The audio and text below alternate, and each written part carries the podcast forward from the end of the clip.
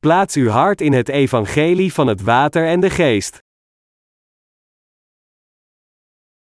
Matthäus 25 op 1 13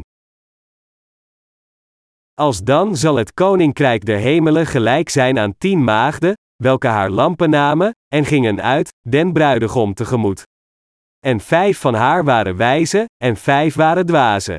Die dwaas waren, haar lampen nemende, namen geen olie met zich. Maar de wijze namen olie in haar vaten, met haar lampen.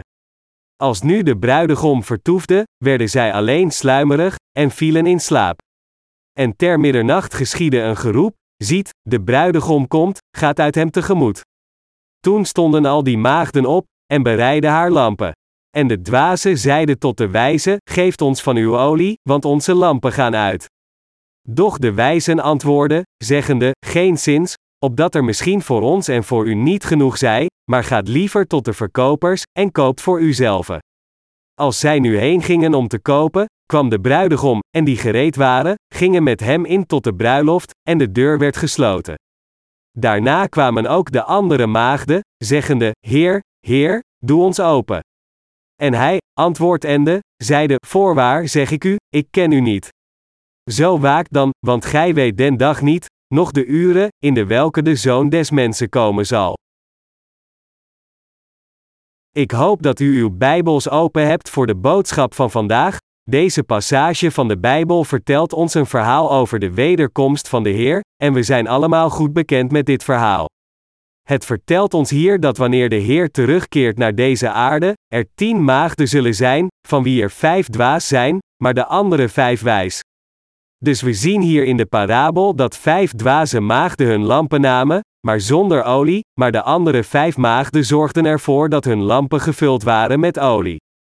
Ze sluimerden en sliepen terwijl ze wachten op de bruidegom, die er lang over deed om te komen. Maar toen ze uiteindelijk de roep hoorden, zie, de bruidegom komt eraan, ga met hem mee, stonden ze allemaal onmiddellijk op en maakten hun lampen gereed.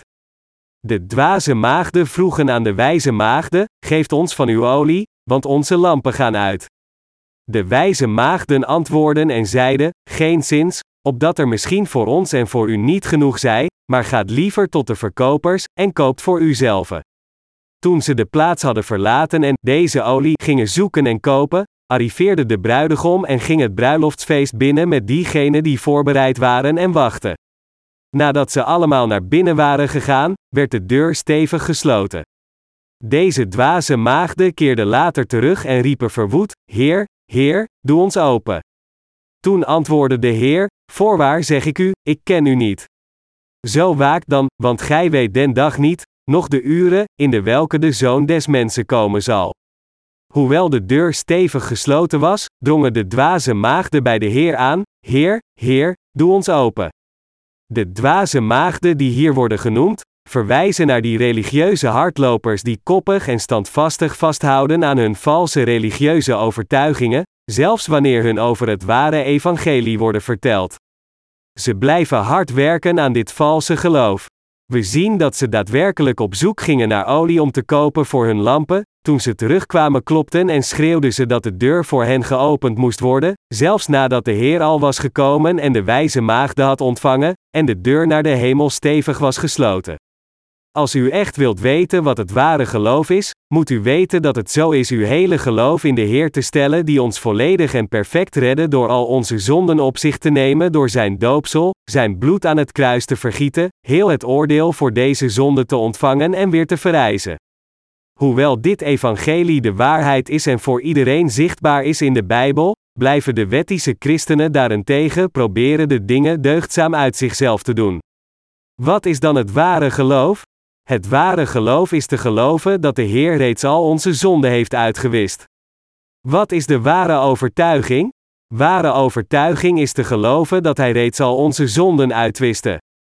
Het is absoluut niet, elke dag vergeving te ontvangen voor onze dagelijkse zonden en hard proberen geen zonde te plegen, een persoon die de vergeving van zonde heeft ontvangen door het geloof dat gelooft dat de Heer dit al volbracht heeft, dat Hij al onze zonden uitwiste met het evangelie van het water en de geest, is degene die het ware geloof en overtuiging heeft. In dit parabel zijn er dwaze en wijze maagden, vijf in elke groep. De dwazen zijn zo dwaas dat ze blijven proberen de dingen helemaal alleen te doen. Ze doen voortdurend dingen om de erkenning van hun geloof voor God te ontvangen en om de vergeving van hun zonde te ontvangen. Mijn de wijzen zijn niet zo. Zij bereiden als eerste de olie en voerden stilletjes het toevertrouwde werk met geloof uit. Er is een gezegde in het christendom dat zegt: een religieuze hardloper rent snel, maar de trouwe hardloper wint de race. Zo verspreiden wij de ware trouwe gelovigen dit evangelie met geloof over de hele wereld. Maar helaas, een groot aantal christenen in deze wereld die niet echt wedergeboren zijn, weigeren en geloven niet in dit evangelie, wat zo duidelijk te zien is in de Bijbel dat de Heer naar deze aarde kwam en al hun zonden elimineerde. Ze blijven zichzelf voortdurend voorbereiden, door hun eigen gerechtigheid voorop te stellen, en door dit te doen zijn ze van plan de Heer te behagen met hun stoutmoedige wil. Maar prijs de Heer, die de genezer en de verlosser is en zoveel van ons houdt. Wat kunnen we op deze aarde doen om Hem te behagen? Als het gaat om het ontvangen van de verlossing, moeten we geloven dat God ons de ware gelovige perfect heeft gered. Ware verlossing is te geloven dat de Heer u en mij een nieuw leven heeft gegeven door u en mijn zonden op zich te nemen en hen met zijn doopsel weg te wassen, het oordeel te ontvangen, te sterven en weer te verrijzen. Er is niets anders dat de Heer meer behaagt dan een verloren ziel die de ware redding door geloof ontvangt. Wat is dwaasheid in het christelijke geloof? Dwaasheid zegt dat we niet zullen geloven in de evangelische boodschap van het water en de geest, en de dingen niet willen oplossen door geloof in de waarheid te hebben, maar in plaats daarvan proberen onze eigen redding te verdienen. Waarom worden deze christenen als dwaze mensen beschouwd? We kunnen dit zien als we vers 3 lezen: die dwaas waren, haar lampen nemende, namen geen olie met zich. Er staat dat de dwazen hun lampen namen, maar niet vulden met olie. Waarom moeten we olie hebben? Olie zorgt er in wezen voor dat de lamp licht geeft nadat de olie in het reservoir is gegoten. Daarom is de parabel gemakkelijk te begrijpen als er staat dat de dwazen hun lampen namen maar geen olie hadden. Zo gaan deze dwaze christenen religieus naar de kerk, maar de Heilige Geest is niet in hun harten te vinden. Ze zijn niet in staat om de vergeving en reiniging van hun zonde te ontvangen omdat zij weigeren in het evangelie van het water en de geest te geloven. De Heilige Geest regeert, bewaart en begeleidt ons en leert ons het woord waar te nemen en zegent ons. De Heilige Geest verdedigt ons tegen Satan en in al onze zwakheden omdat Hij in ons leeft.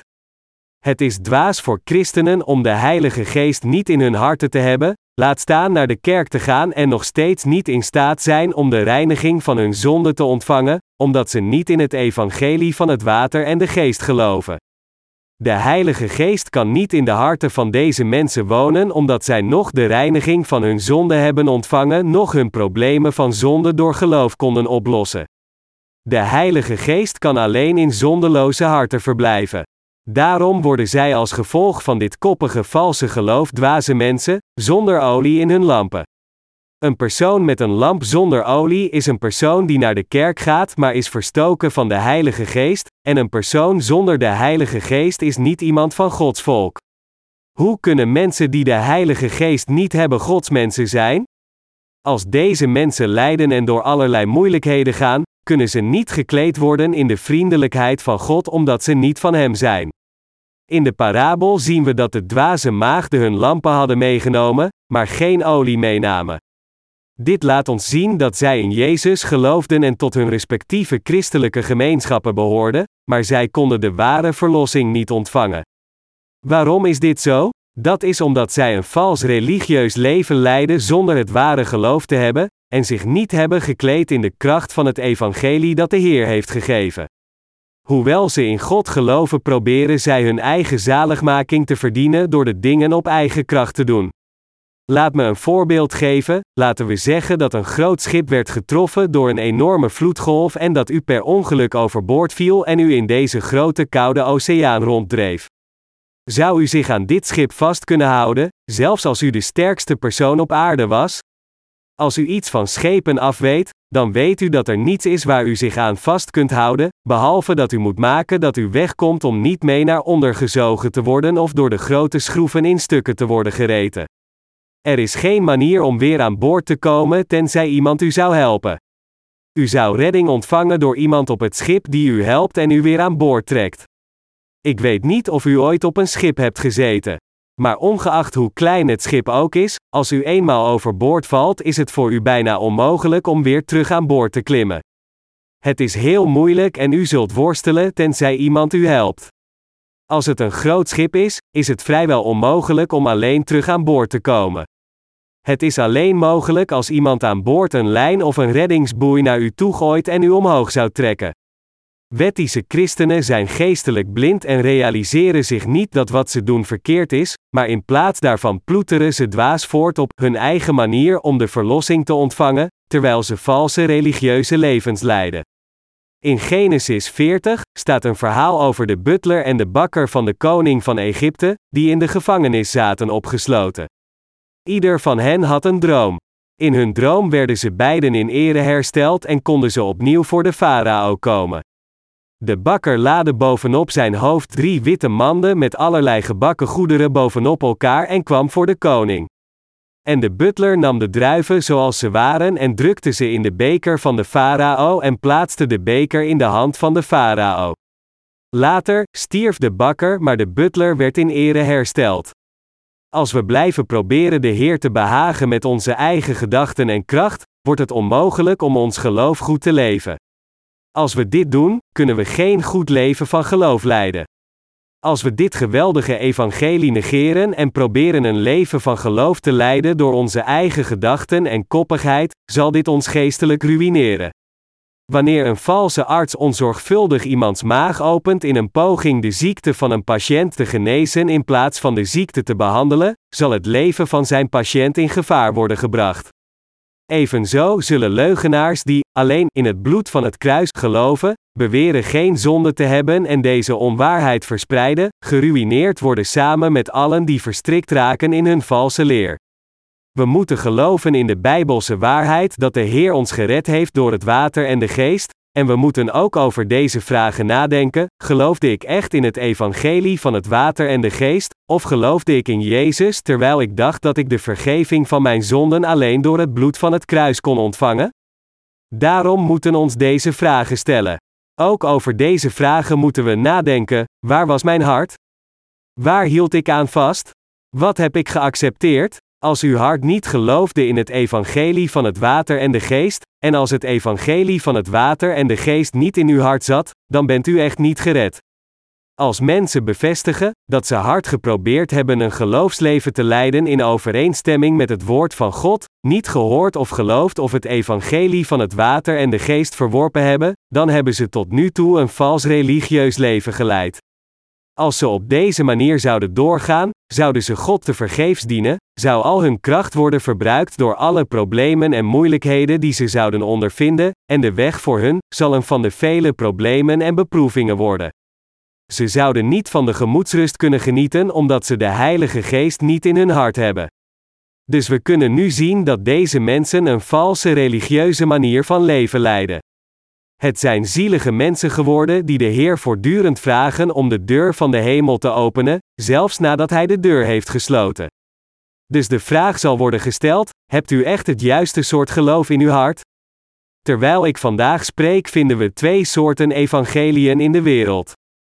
Dit zijn het evangelie van het water en de geest, en het evangelie dat alleen gelooft in het bloed van het kruis als het enige complete verzoenoffer voor de zonde. De vraag die we onszelf moeten stellen is: in welke van de twee geloven we? Waar u in hebt geloofd, is waar u uw vertrouwen in hebt gesteld. Over het algemeen zijn theorieën verenigbaar met elkaar. Dit betekent dat ons hart elke vorm van kennis kan opnemen, ook als die tegenstrijdige informatie bevat. Maar de waarheid, het object van geloof, is exclusief. Als u eerst in iets als de waarheid gelooft, kunnen andere dingen uw hart niet binnenkomen, ook al is bewezen dat het de ultieme waarheid is. Er zijn tegenwoordig twee evangeliën, een is de waarheid en de ander is vals, en wij moeten beslissen in welke van de twee we zullen geloven. Welke moeten we in ons hart planten? Hier zou geen twijfel meer over moeten zijn: het evangelie van het water en de geest is de ultieme definitieve bijbelse waarheid. Veel christenen over de hele wereld leven vandaag de dag een valse religieuze manier van leven. Jezus zei dat er tien maagden waren, vijf wijzen en vijf dwazen. De dwaze maagden gingen weg om naar olie te zoeken en te kopen. De betekenis van dit parabel is dat zij dingen deden om hun eigen zaligmaking te verdienen. In de Bijbel betekent het woord olie de Heilige Geest. Daarom moeten we ons deze vraag stellen: is het mogelijk om de Heilige Geest te kopen? Niemand kan de Heilige Geest kopen. Vertel me, is het mogelijk om de Heilige Geest van God met geld te kopen? In het boek van Handelingen was een man die geprobeerd heeft de Heilige Geest te kopen. Nadat hij gezien had dat Petrus en Filippus wonderen verrichtten, dacht hij dat hij ook deze buitengewone macht kon hebben, dus besloot hij dat hij zou proberen deze macht met geld te kopen. Zou dit mogelijk zijn? Nee, absoluut niet. De Heilige Geest kan nooit met geld gekocht worden, en het is ook niet mogelijk door ijverig te leven en door veel gebeden te geven. Zou u in staat zijn de Heilige Geest te ontvangen door al die vele gebeden van berouw te offeren, en zou Hij luisteren en antwoorden? Zou Hij in uw hart komen als u vreugdevol zou zijn? Voortdurend uw valse religieuze leven leidend zoals u in het verleden hebt gedaan? Door lang in Jezus te hebben geloofd? Door in tongen te spreken en de Heer zo goed mogelijk te dienen? Door alleen in het bloed te geloven als het enige verzoenoffer voor onze zonde? Het antwoord op deze vragen is een grote nee. We moeten de definitieve Bijbelse kennis hebben dat de Heilige Geest alleen in uw harten zal komen door geloof te hebben in het evangelie van het water en de geest, of met andere woorden, alleen door te geloven dat al uw zonden werden overgedragen aan Jezus en dat u daarom gereinigd bent door te geloven in zijn doopsel en met hem door geloof verrezen bent. Uw geloof moet komen tot de volledige rechtvaardige daad die de Heer voor ons heeft volbracht. Er zijn veel mensen onder de hedendaagse christenen die zoals de dwaze maagden zijn. Ze zijn als bruiden die absoluut geen idee hebben van wat hun echtgenoten eisen. Dit parabel vertelt ons duidelijk dat de Heer zal komen om bruiden te nemen die niet zijn zoals die dwaze bruiden en die olie in hun lampen hebben. Diegenen die het evangelie van het water en de geest kennen, zullen het verspreiden tot de dag dat de Heer terugkomt, en zijn trouw zelfs in kleine dingen. Dit zijn de wijze bruiden die hun lampen gevuld hebben met de olie, en de Heer zal hen ontvangen. In het parabel van de talenten vertelde de Heer tegen de dienaar die vijf talenten had gekregen en er vijf bij verdiende: Wel, gij goede en getrouwe dienstknecht, over weinig zijt gij getrouw geweest, over veel zal ik u zetten. Matthäus 25 op 23.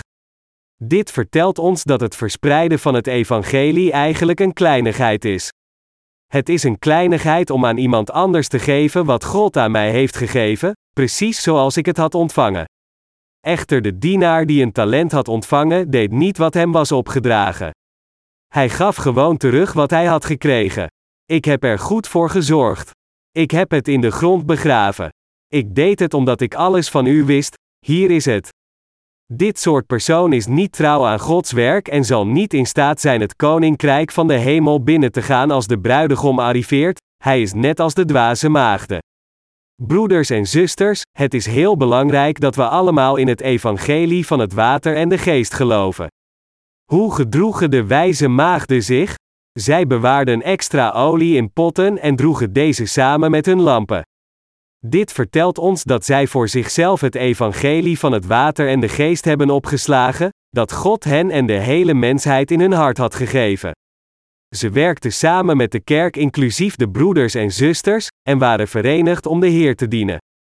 Voordat ik werd wedergeboren, had ik tien lange jaren alleen in het bloed van het kruis geloofd als het enige complete verzoenoffer voor de zonde, maar al die tijd had ik zonden in mijn hart. Denkt u dat ik in die tijd alleen maar op een oppervlakkige manier in Jezus had geloofd, net als die wettische christenen? Laat me u vertellen dat ik echt diep in Jezus geloofde. Denkt u dat ik toen een zeer beperkte kennis van de Bijbel had? Integendeel, ik had alle kennis die veel lijkt op de zogenaamde geleerde Bijbelpredikers van vandaag, behalve de kennis van het evangelie van het water en de geest. Het was niet dat ik de Bijbel niet kende, ik had alle theologische kennis, maar helaas was het juiste geloof niet in mijn hart. Er zaten toen duidelijk zonden in mijn hart. In het begin dacht ik dat ik de vergeving van mijn zonde had ontvangen, maar later bleek dat er nog steeds zonden in mijn hart zaten. Eerlijk gezegd, zaten er zonden in mijn hart omdat ik toen niets wist over het evangelie van het water en de geest. Maar net zoals iedereen die dit evangelie weigert, hield ik vast aan de Heer op mijn eigen manier en besloot nooit meer los te laten. Achteraf had ik mijn vaste intentie los moeten laten. Het zou goed voor mij zijn geweest om te hopen dat de Heer mij zou redden, en ik had moeten geloven in precies dat wat Hij had gedaan. Mijn redding kon niet volledig zijn omdat ik niets van de waarheid wist, maar in plaats daarvan had ik de Heer in mijn eigen kracht vastgehouden. Ik geloofde in Jezus, maar mijn zaligmaking kon niet volledig zijn. Dus vertel ik u nu dat de zaligmaking nooit verkregen kan worden door alleen in het bloed van het kruis te geloven als het enige verzoenoffer voor de zonde. Geloof me, dit zijn niet mijn woorden. Het zijn de definitieve woorden van de Bijbel. Om eerlijk te zijn, diegenen die alleen in het bloed van het kruis geloven en beweren dat ze de vergeving van hun zonde hebben ontvangen, hebben een verbazingwekkend enthousiasme en ze zitten zo vol emoties dat ze overkoken. Maar naarmate de tijd verstrijkt, blijken de dingen waar ze achteraan jagen niets te zijn. De Bijbel vertelt ons geen gist in het graanoffer te doen dat voor God moet worden gegeven.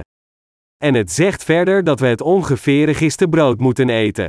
Als u gist toevoegt en het door het deeg mengt, rijst het en wordt het groter. Het uiterlijk wordt groter, maar het is echt niets. Als het gegiste brood niet wordt gegeten en we het laten liggen, zal het bederven en ongeschikt zijn om te eten. We moeten hier weten dat God brood met gist niet accepteert. Maar aan de andere kant, het ongeveer giste brood blijft hetzelfde en zal niet bederven als de tijd verstrijkt. Dit komt omdat dit brood niet zo snel zal bederven. Dus zoals dit voorbeeld, dacht ik dat ik correct in Jezus had geloofd door alleen in het bloed van het kruis te geloven. Ik was er zeker van dat ik de vergeving van mijn zonde had ontvangen, zoals zoveel die op dezelfde manier geloofden zoals ik. Naarmate de tijd verstreek kreeg ik te kampen met toenemende beproevingen en problemen omdat dit geloof me uitputte en verdampte. Het probleem was dat wanneer ik een zonde pleegde, ik een grotere zondaar werd voor God. Dus we zien dat we met deze valse overtuiging en geloof weer een zondaar worden nadat we een zonde plegen en dit is niet de ware zaligmaking. Deze twee soorten van geloof, gelovend in het evangelie van het water en de geest en gelovend in alleen het bloed van het kruis, zijn zeer verschillend. Aan de oppervlakte lijkt er echter een klein verschil tussen de twee te zijn. Maar het resultaat van dit verschil vertoont een opvallend contrast. Net zoals u elkaar niet kunt zien als er een blad papier tussen u wordt geplaatst, zorgt dit schijnbaar kleine verschil tussen de twee evangeliën voor een groot verschil in het resultaat. Voordat ik dit prachtige evangelie van het water en de geest leerde kennen, had ik zonden in mijn hart hoe vurig ik ook in Jezus geloofde. Ik werd een echte zondaar na lang in Jezus te hebben geloofd. Ik had net zoals veel christenen in tongen gesproken, visioenen gezien, commoties geschapen, ben loyaal geweest en had gedaan wat gedaan moest worden, maar helaas was ik nog steeds een zondaar voor God. Ik kon niet anders dan een zondaar te blijven omdat ik niet anders kon dan elke dag zonde te plegen. Tijdens mijn eerste jaren als christen was mijn hart vredig wanneer ik berouwgebeden had gegeven nadat ik had gezondigd. Maar na een tijdje zondigde ik opnieuw en bleef, zoals voorheen, die berouwgebeden geven, dus geloofde ik dat mijn hart in vrede was alsof mijn zonden, waarover ik had gebeden, waren verdwenen. Ik heb deze trend echter drie jaar volgehouden en tegen het vijfde jaar zaten mijn zonden nog steeds in mijn hart, zelfs nadat ik zoveel van deze berouwgebeden had geofferd. Ik raakte heel, heel erg gefrustreerd. Hoe hard ik het ook had geprobeerd, de zonden in mijn hart verdwenen niet. Gedurende deze tijd bracht een boze geest mij een bezoek. Ik was niet in staat om de duivel visueel te zien, maar hij sprak in mijn oor: hey jij! Je hebt gezondigd niet waar? Je hebt gezondigd, hè? Het was zo pijnlijk omdat ik al een tijdje pijn leed vanwege de zonden die in mijn hart zaten, hoewel ik talloze berouwgebeden had aangeboden. Broeders en zusters, ik wil dat u hier een even over nadenkt. Er was niemand en ik kon niet zien. Maar ik hoorde deze stem die absoluut niet de mijne was. Hij zei: Je hebt gezondigd, niet waar? Je hebt gezondigd, hè?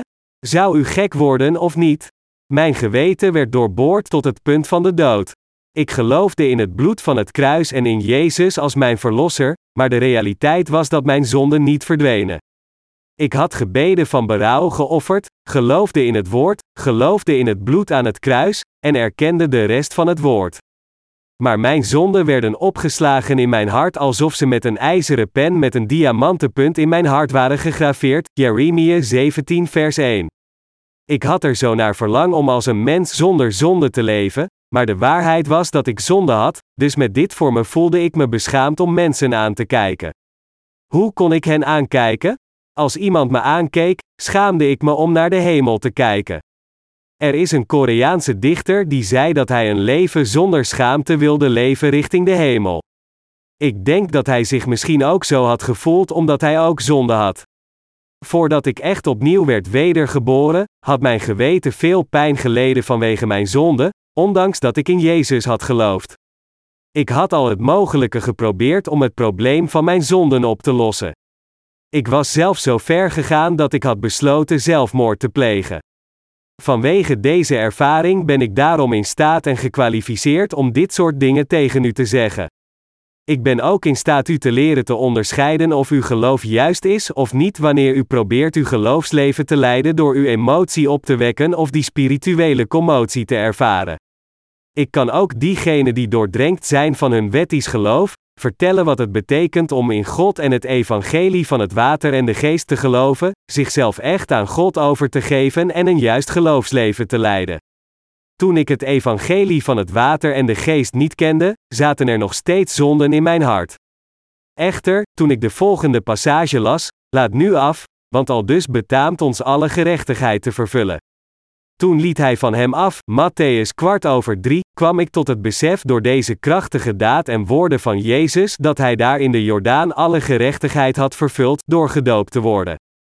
Door deze passage dacht ik, oh, ik begrijp het. Alle gerechtigheid is vervuld. Alle zonden van de wereld zijn overgedragen aan Jezus. Johannes de Doper heeft al de zonden aan Jezus doorgegeven. Jezus heeft al de zonde van de mensheid in een keer weggenomen door Johannes de Doper. En hij heeft het oordeel van de zonden aan het kruis ontvangen. Hij is echt onze levende verlosser en God geworden door uit de dood te verrijzen. Door deze woorden kwam ik te weten dat de Heer al u en mijn zonden ontving toen hij gedoopt werd. Toen Jezus het doopsel van Johannes de Doper ontving, werden al de zonden van de wereld aan hem doorgegeven. Door deze woorden kwam ik tot het besef: oh, ik begrijp het. Jezus heeft al de leiding genomen over al mijn zonden. Hij heeft het oordeel voor deze zonden ontvangen. Er zitten geen zonden meer in mij. God heeft ons tot zijn kinderen gemaakt. Jezus is echt onze verlosser geworden. Meteen daarna werden de zonden die in mijn hart zaten, dat wil zeggen, alle zonden die in mijn hart waren vastgelegd, volledig gereinigd zonder een spoor achter te laten. Vanaf toen was ik in staat mensen aan te kijken zonder schaamte en zonder wrok, en kon ik doen wat goed was. En mijn leven zelf werd echt de moeite waard. Ik was vanaf toen zo dankbaar en blij. We zijn nu blij en gelukkig in de Heer, bidden onophoudelijk en zijn dankbaar in alle dingen. Een religieus leven en een geloofsleven zijn twee tegenovergestelde geloven. Er zijn een groot aantal mensen over de hele wereld die een valse religieuze manier van leven leiden.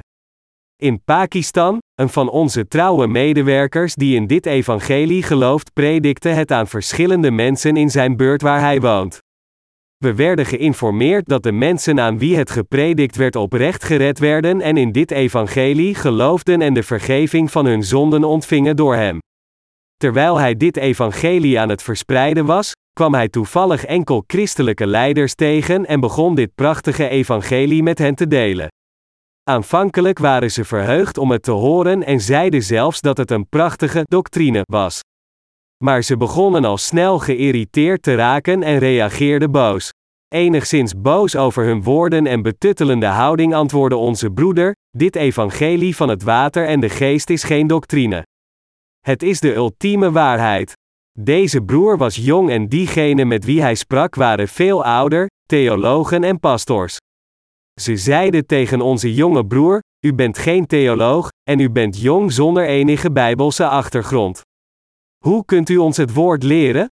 Hij antwoordde: Ik ben jong en niet erg geleerd, maar dit is geen christelijke doctrine. Het is geen speciale doctrine. Dit is de waarheid. Ik ben in uw ogen onwetend in de theologie, maar ik geloof dat het juist is dat al onze zonden uitgewist werden door het evangelie van het water en de geest, want het woord van God is de waarheid.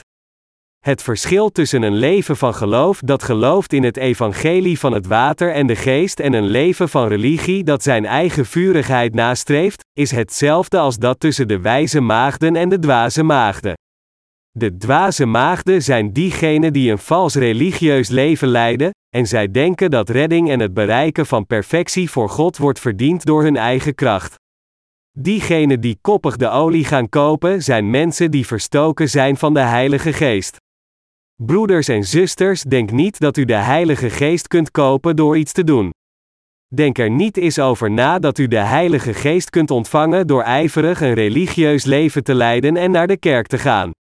Mensen zeggen dat u wedergeboren kunt worden in uw dromen, terwijl u bidt, na het horen van preken of op andere manieren, maar de waarheid is dat u alleen wedergeboren kunt worden door in het evangelie van het water en de geest te geloven. De apostel Petrus zei dat u wedergeboren bent, niet uit vergankelijk zaad, maar uit onvergankelijk zaad, dat het woord van God is dat leeft en voor altijd blijft. 1 Petrus 1 vers 32. Hij zei ook, waarvan het tegenbeeld, de doop, ons nu ook behoudt, 1 Petrus 3 vers 21. De Heer kwam naar deze aarde als onze Verlosser, stierf aan het kruis en verrees weer van de dood door de leiding over alle zonden van de mensheid te nemen door zijn doopsel door Johannes de Doper op 30-jarige leeftijd, en door deze rechtvaardige daad, was hij in staat om echt onze Verlosser te worden. Wat voor hart hebt u? En wat voor soort geloof hebt u? Geloofde u toevallig niet alleen in het bloed van het kruis?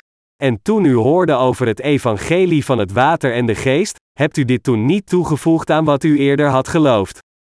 Gelooft u dat Jezus u alleen door het bloed aan het kruis heeft gered? Als u nu gelooft dat Jezus uw verlosser is, had u dan uw oude en onvolmaakte evangelie niet moeten loslaten en weggooien? Hebt u de evangelische waarheid volledig geaccepteerd toen u hoorde over het evangelie van het water en de geest dat u volledig gered heeft? U moet nog een keer over deze belangrijke zaak nadenken. Als u tot nu toe alleen in het bloed van het kruis geloofde, moet u tot de kennis komen dat het een vals geloof is. En in uw hart moet u opnieuw vasthouden aan de waarheid dat het evangelie van het water en de geest het enige definitieve volledige evangelie is en erin geloven. Het staat geschreven in de Bijbel, zodan, indien iemand in Christus is, die is een nieuw schepsel, het oude is voorbij gegaan, ziet, het is alles nieuw geworden, 2 Korintje 5 vers 17. Uw valse religieuze leven is iets ouds, en uw geloofsleven nadat u het evangelie van het water en de geest kent, is het nieuwe en het ware. Net zoals de Heer zegt dat u geen nieuwe wijn in oude wijnzakken kunt schenken, zult u ook niet in staat zijn om het evangelie van het water en de geest en uw oude geloof in uw hart naast elkaar te laten bestaan. Daarom te geloven in het evangelie van het water en de geest en te geloven in het kruis alleen zijn niet compatibel met elkaar. Diegenen die net gered zijn, zijn diegenen die voor God het juiste geloof hebben, zoals er staat geschreven, zodan, indien iemand in Christus is, die is een nieuw schepsel, het oude is voorbij gegaan, ziet, het is alles nieuw geworden, 2 Korintje 5 vers 17. Waar bevindt uw hart zich? Bevindt het zich op de plaats van de zondaars of op de plaats van de rechtvaardigen? Bevindt het zich op de plaats van te geloven in het evangelie van het water en de geest? Of bevindt het zich op de plaats van alleen te geloven in het bloed aan het kruis? Of u wel of niet de zaligmaking hebt ontvangen wordt bepaald in welke richting u uw hart hebt gepositioneerd. Waar uw hart zich bevindt is zeer belangrijk. Hoe zit het met u? Hoe zit het met alle mensen in de wereld? Tragisch genoeg zijn tegenwoordig de harten van veel mensen in de plaats van alleen maar in het kruis te geloven als het enige complete verzoenoffer voor de zonde. Daarom kunnen ze, hoe hard ze ook proberen, nog God behagen, nog zegeningen van Hem ontvangen met een dergelijk geloof. Vanaf nu moeten ze niet alleen een paradigmaverschuiving uitvoeren, maar zich ook afkeren van de manier waarop ze hebben geloofd en hun volledig vertrouwen en geloof in de waarheid stellen. Dit is de enige waarheid. Deze is perfect, de oude is onvolmaakt. Daarom moeten zij beleiden: Ik zal in het evangelie van het water van nu af aan geloven en in de geest die perfect is. Hun harten moeten verhuizen van een onvolmaakte locatie naar een perfecte locatie. Dit is waar Matthäus 25 het over had. U moet geloven in de zaligmaking die de Heer al volbracht heeft voor ieder van ons door het evangelie van het water en de geest.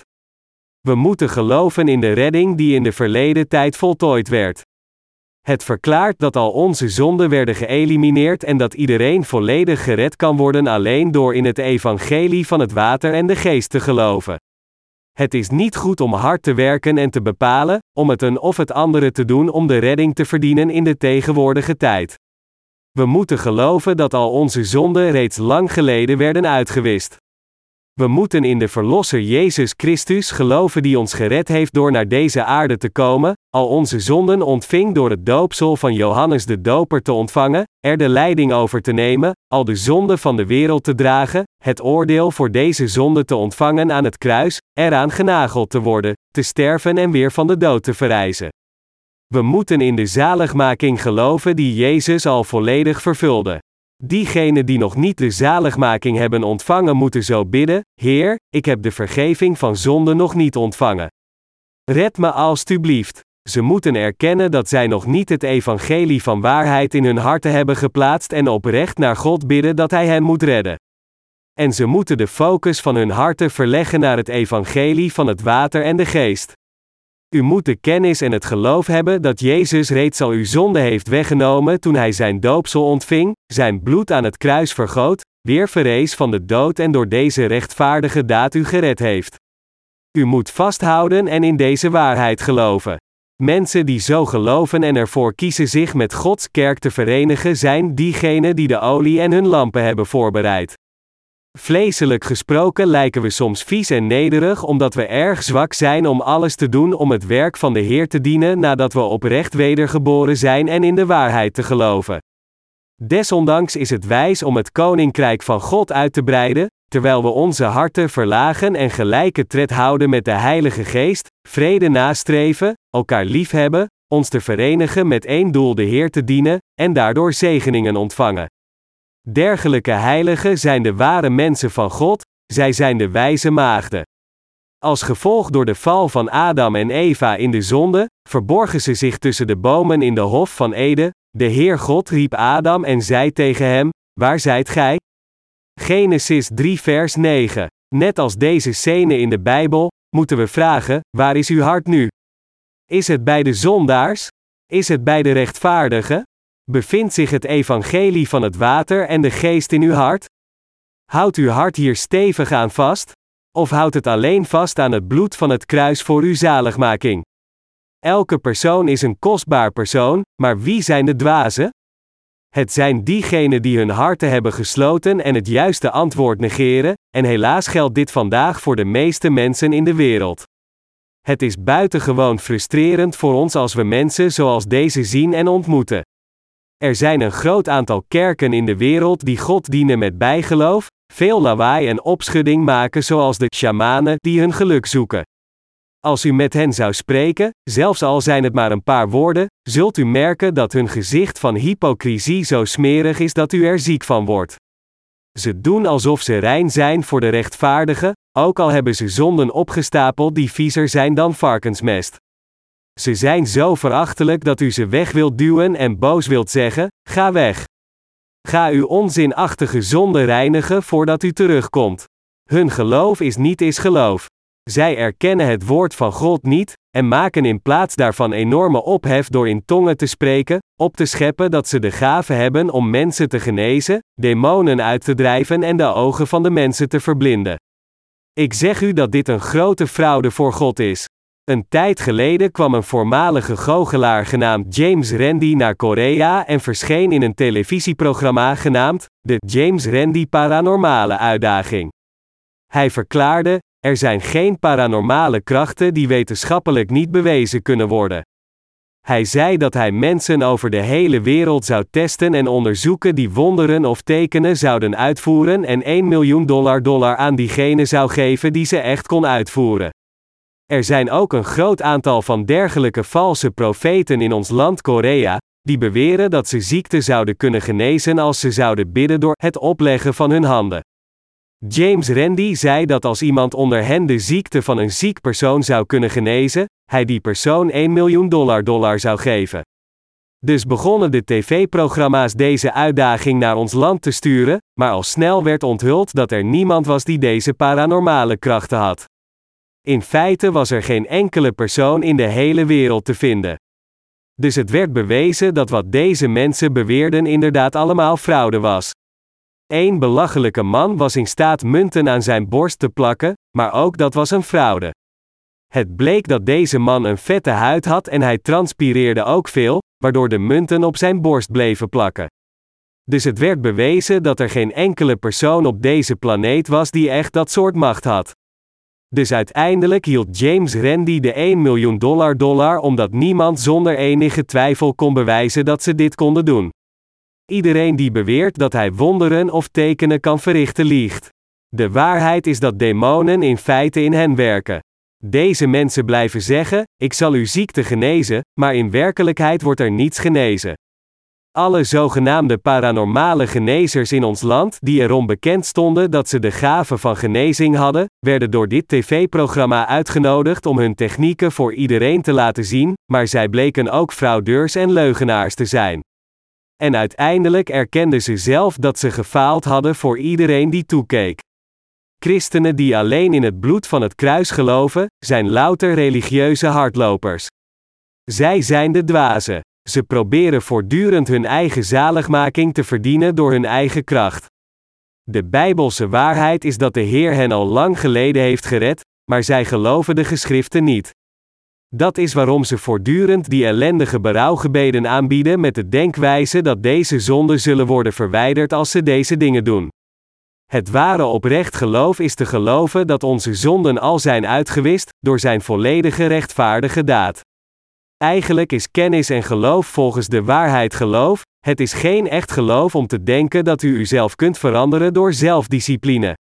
Dit te doen is niet de waarheid. Eerlijk gezegd is het heel gemakkelijk om het ware geloof te hebben. Broeders en zusters, laten we zeggen dat er een mooie bloem voor u staat. Haar naam is gladiol. Geloof is te ontdekken dat deze bloem gladiol heet en dit te accepteren, door te zeggen: Oh, die bloem wordt gladiol genoemd. Geloof is de waarheid waar te nemen en erin te geloven zoals ze is. Daarom is geloof helemaal niet moeilijk. Geloof is te weten en te geloven dat de Heer u van uw zonde heeft gered door het evangelie van het water en de geest. Is dat juist of niet? Is het moeilijk? Gelooft u het in uw hart? Weet u dat de Heer u gered heeft door het evangelie van het water en de geest? En gelooft u dit? Als u van plan bent de Heer te volgen, moet u uw gedachten en verlangens ontkennen. Maar er zijn nog steeds dwaze mensen die koppig vasthouden aan hun oude verkeerde manier van geloven.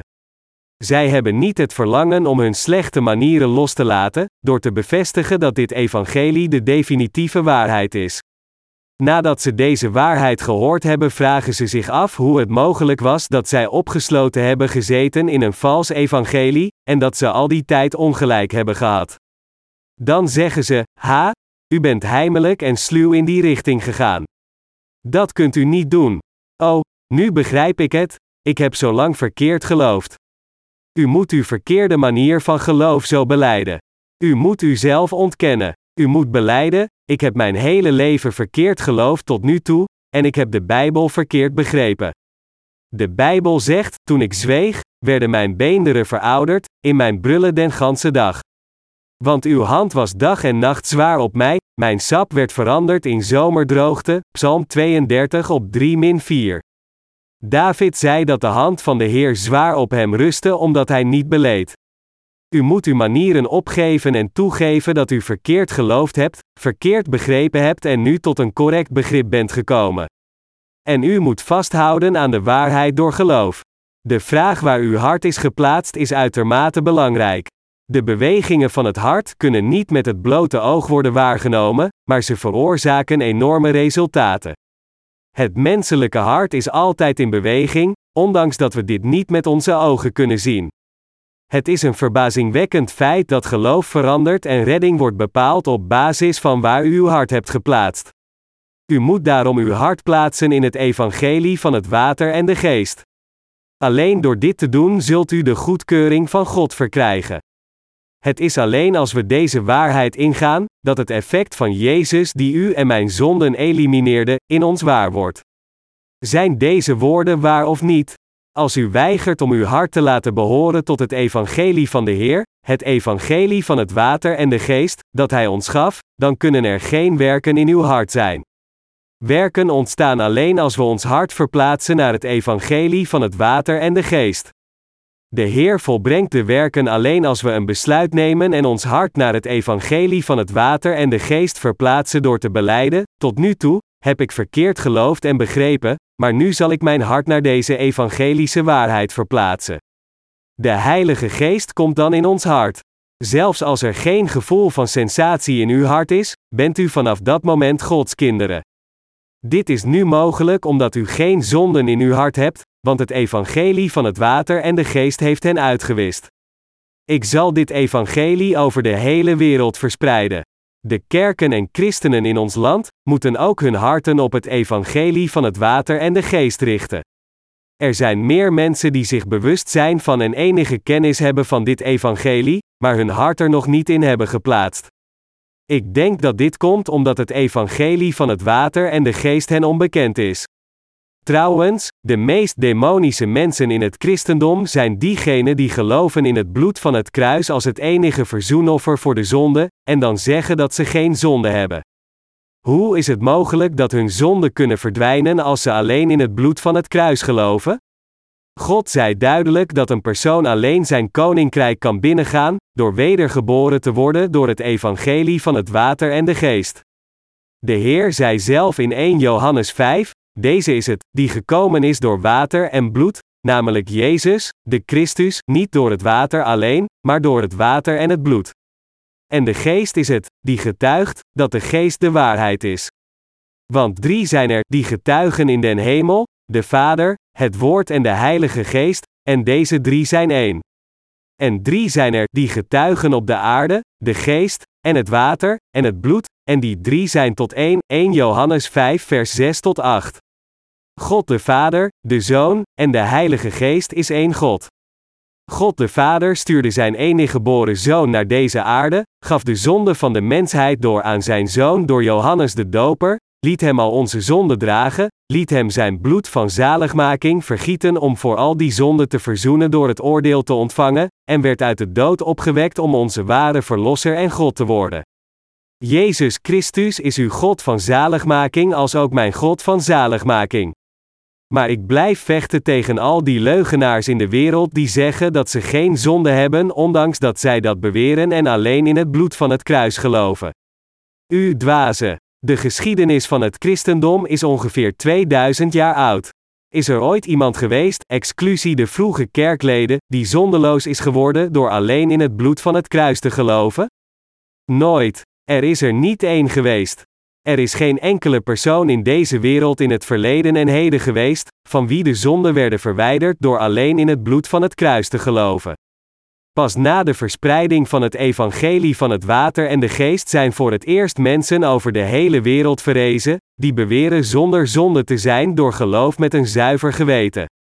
Als het lijkt alsof we tenslotte de vergeving van zonde kunnen ontvangen door alleen in het bloed van het kruis te geloven, dan is er niets anders voor ons om te doen. Maar dit is helemaal niet het geval, en helaas zal er geen enkele persoon op deze aarde gevonden worden die niet op de een of andere manier in dit valse evangelie gelooft.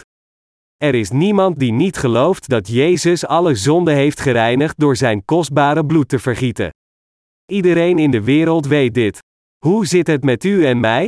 Ik geloof dat er mensen onder u zijn die heel lang alleen in het bloed van het kruis hebben geloofd, maar na het horen en geloven in het ware evangelie, veranderen uw harten en plaatste u uw geloof in het evangelie van het water en de geest.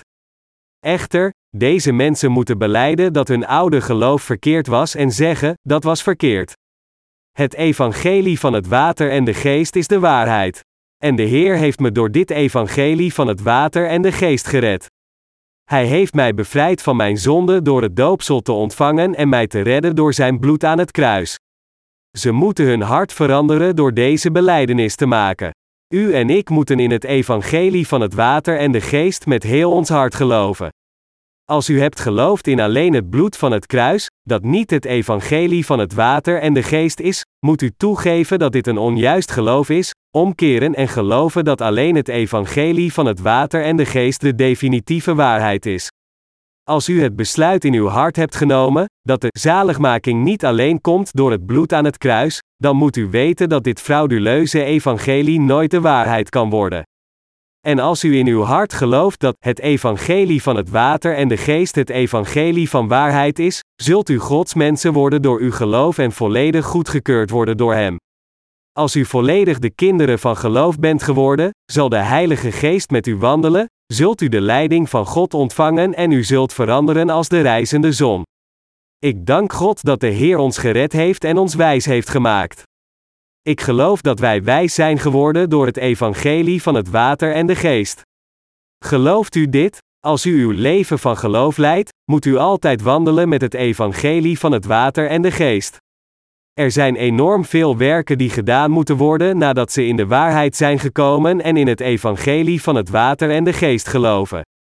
Dit komt omdat er over de hele wereld veel mensen zijn die nog niet eens over deze waarheid hebben gehoord en hun geloof er niet in hebben gelegd. Als iedereen in deze wereld reeds deze kennis had en in het evangelie van het water en de geest geloofde, zouden we onnodige drukte maken en onze energie verspillen, sinds ze er al 2000 jaar over wisten en in geloofden, terwijl wij er nu net bij zijn gekomen. Als dit voorbeeld waar zou zijn, wie denkt u dan dat de betere gelovigen waren, zij of wij? Natuurlijk zijn diegenen die in het evangelie van waarheid al vele jaren geloven betere gelovigen dan wij zijn.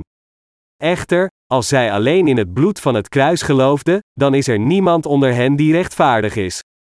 Broeders en zusters, kent u iemand in het buitenland die de vergeving van zonde heeft ontvangen in strikte overeenstemming met het woord van God, voorafgaand aan het lezen van onze boeken? In een bepaald land waren er mensen die leerden dat de zonden zouden verdwijnen door alleen in het bloed van het kruis te geloven. Maar toen onze boeken in hun land kwamen, begonnen ze hen te lezen en gingen in het correcte geloof geloven. Ze bekennen nu dat ze nu pas de echte kerk zijn geworden. In de Verenigde Staten zei een van onze medewerkers die de vergeving van zonde had ontvangen, dat hij het tweede boek over de tabernakel had gelezen en opnieuw had geleerd dat alleen die mensen die in het evangelie van het water en de geest geloven, het allerheiligste konden binnengaan. U moet beseffen dat voor het betreden van de allerheiligste plaats, de aanwezigheid van God nu alleen mogelijk is omdat we heiligen en zonder zonde zijn geworden door in het evangelie van het water en de geest te geloven. Ik heb geen woorden om te beschrijven hoe dankbaar ik de Heer ben en hoe goed Hij is. We hebben echt ongetwijfeld heel veel werk te doen. We werken hard aan onze literaire dienst. De eerste tien boeken in onze christelijke boekenserie zijn boeken die het evangelie van vele kanten en hoeken belichten. Vanaf het elfde boek zullen we boeken publiceren om geestelijke groei te bevorderen in al diegenen die wedergeboren zijn door het evangelie van het water en de geest. We hebben tot nu toe enorm veel werk verricht. De velden zijn echter rijp voor de oogst en er is nog een enorme hoeveelheid werk die nog moet worden gedaan. De kennis en de waarheid wordt nu verspreid, van nu af aan zullen we het evangelie van het water en de geest op een andere manier verspreiden, door aan diegenen die al onze boeken lezen of al gelezen hebben, deze belangrijke vragen te stellen: Is uw geloof goed of fout? Het is verkeerd als u gelooft in het bloed van het kruis, als het enige complete verzoenoffer voor de zonde. U moet geloven in de definitieve bijbelse waarheid van het evangelie van het water en de geest. U ziet dus dat er nog veel werk te doen is. Dit is een belangrijk seizoen omdat het de tijd van de oogst is. Het is een tijd waarin we onze krachten en ons geld moeten bundelen voor deze oogst. Broeders en zusters, gelooft u op dezelfde manier? God roept ons als zijn arbeiders. Als u uw hart in dit evangelie van waarheid legt, en uzelf voor God met geloof plaatst, zal God door u werken en u vasthouden, en u zijn werken toevertrouwen. Ik geef mijn dankbaarheid aan God dat Hij ons tot zijn arbeiders heeft gemaakt. Halleluja!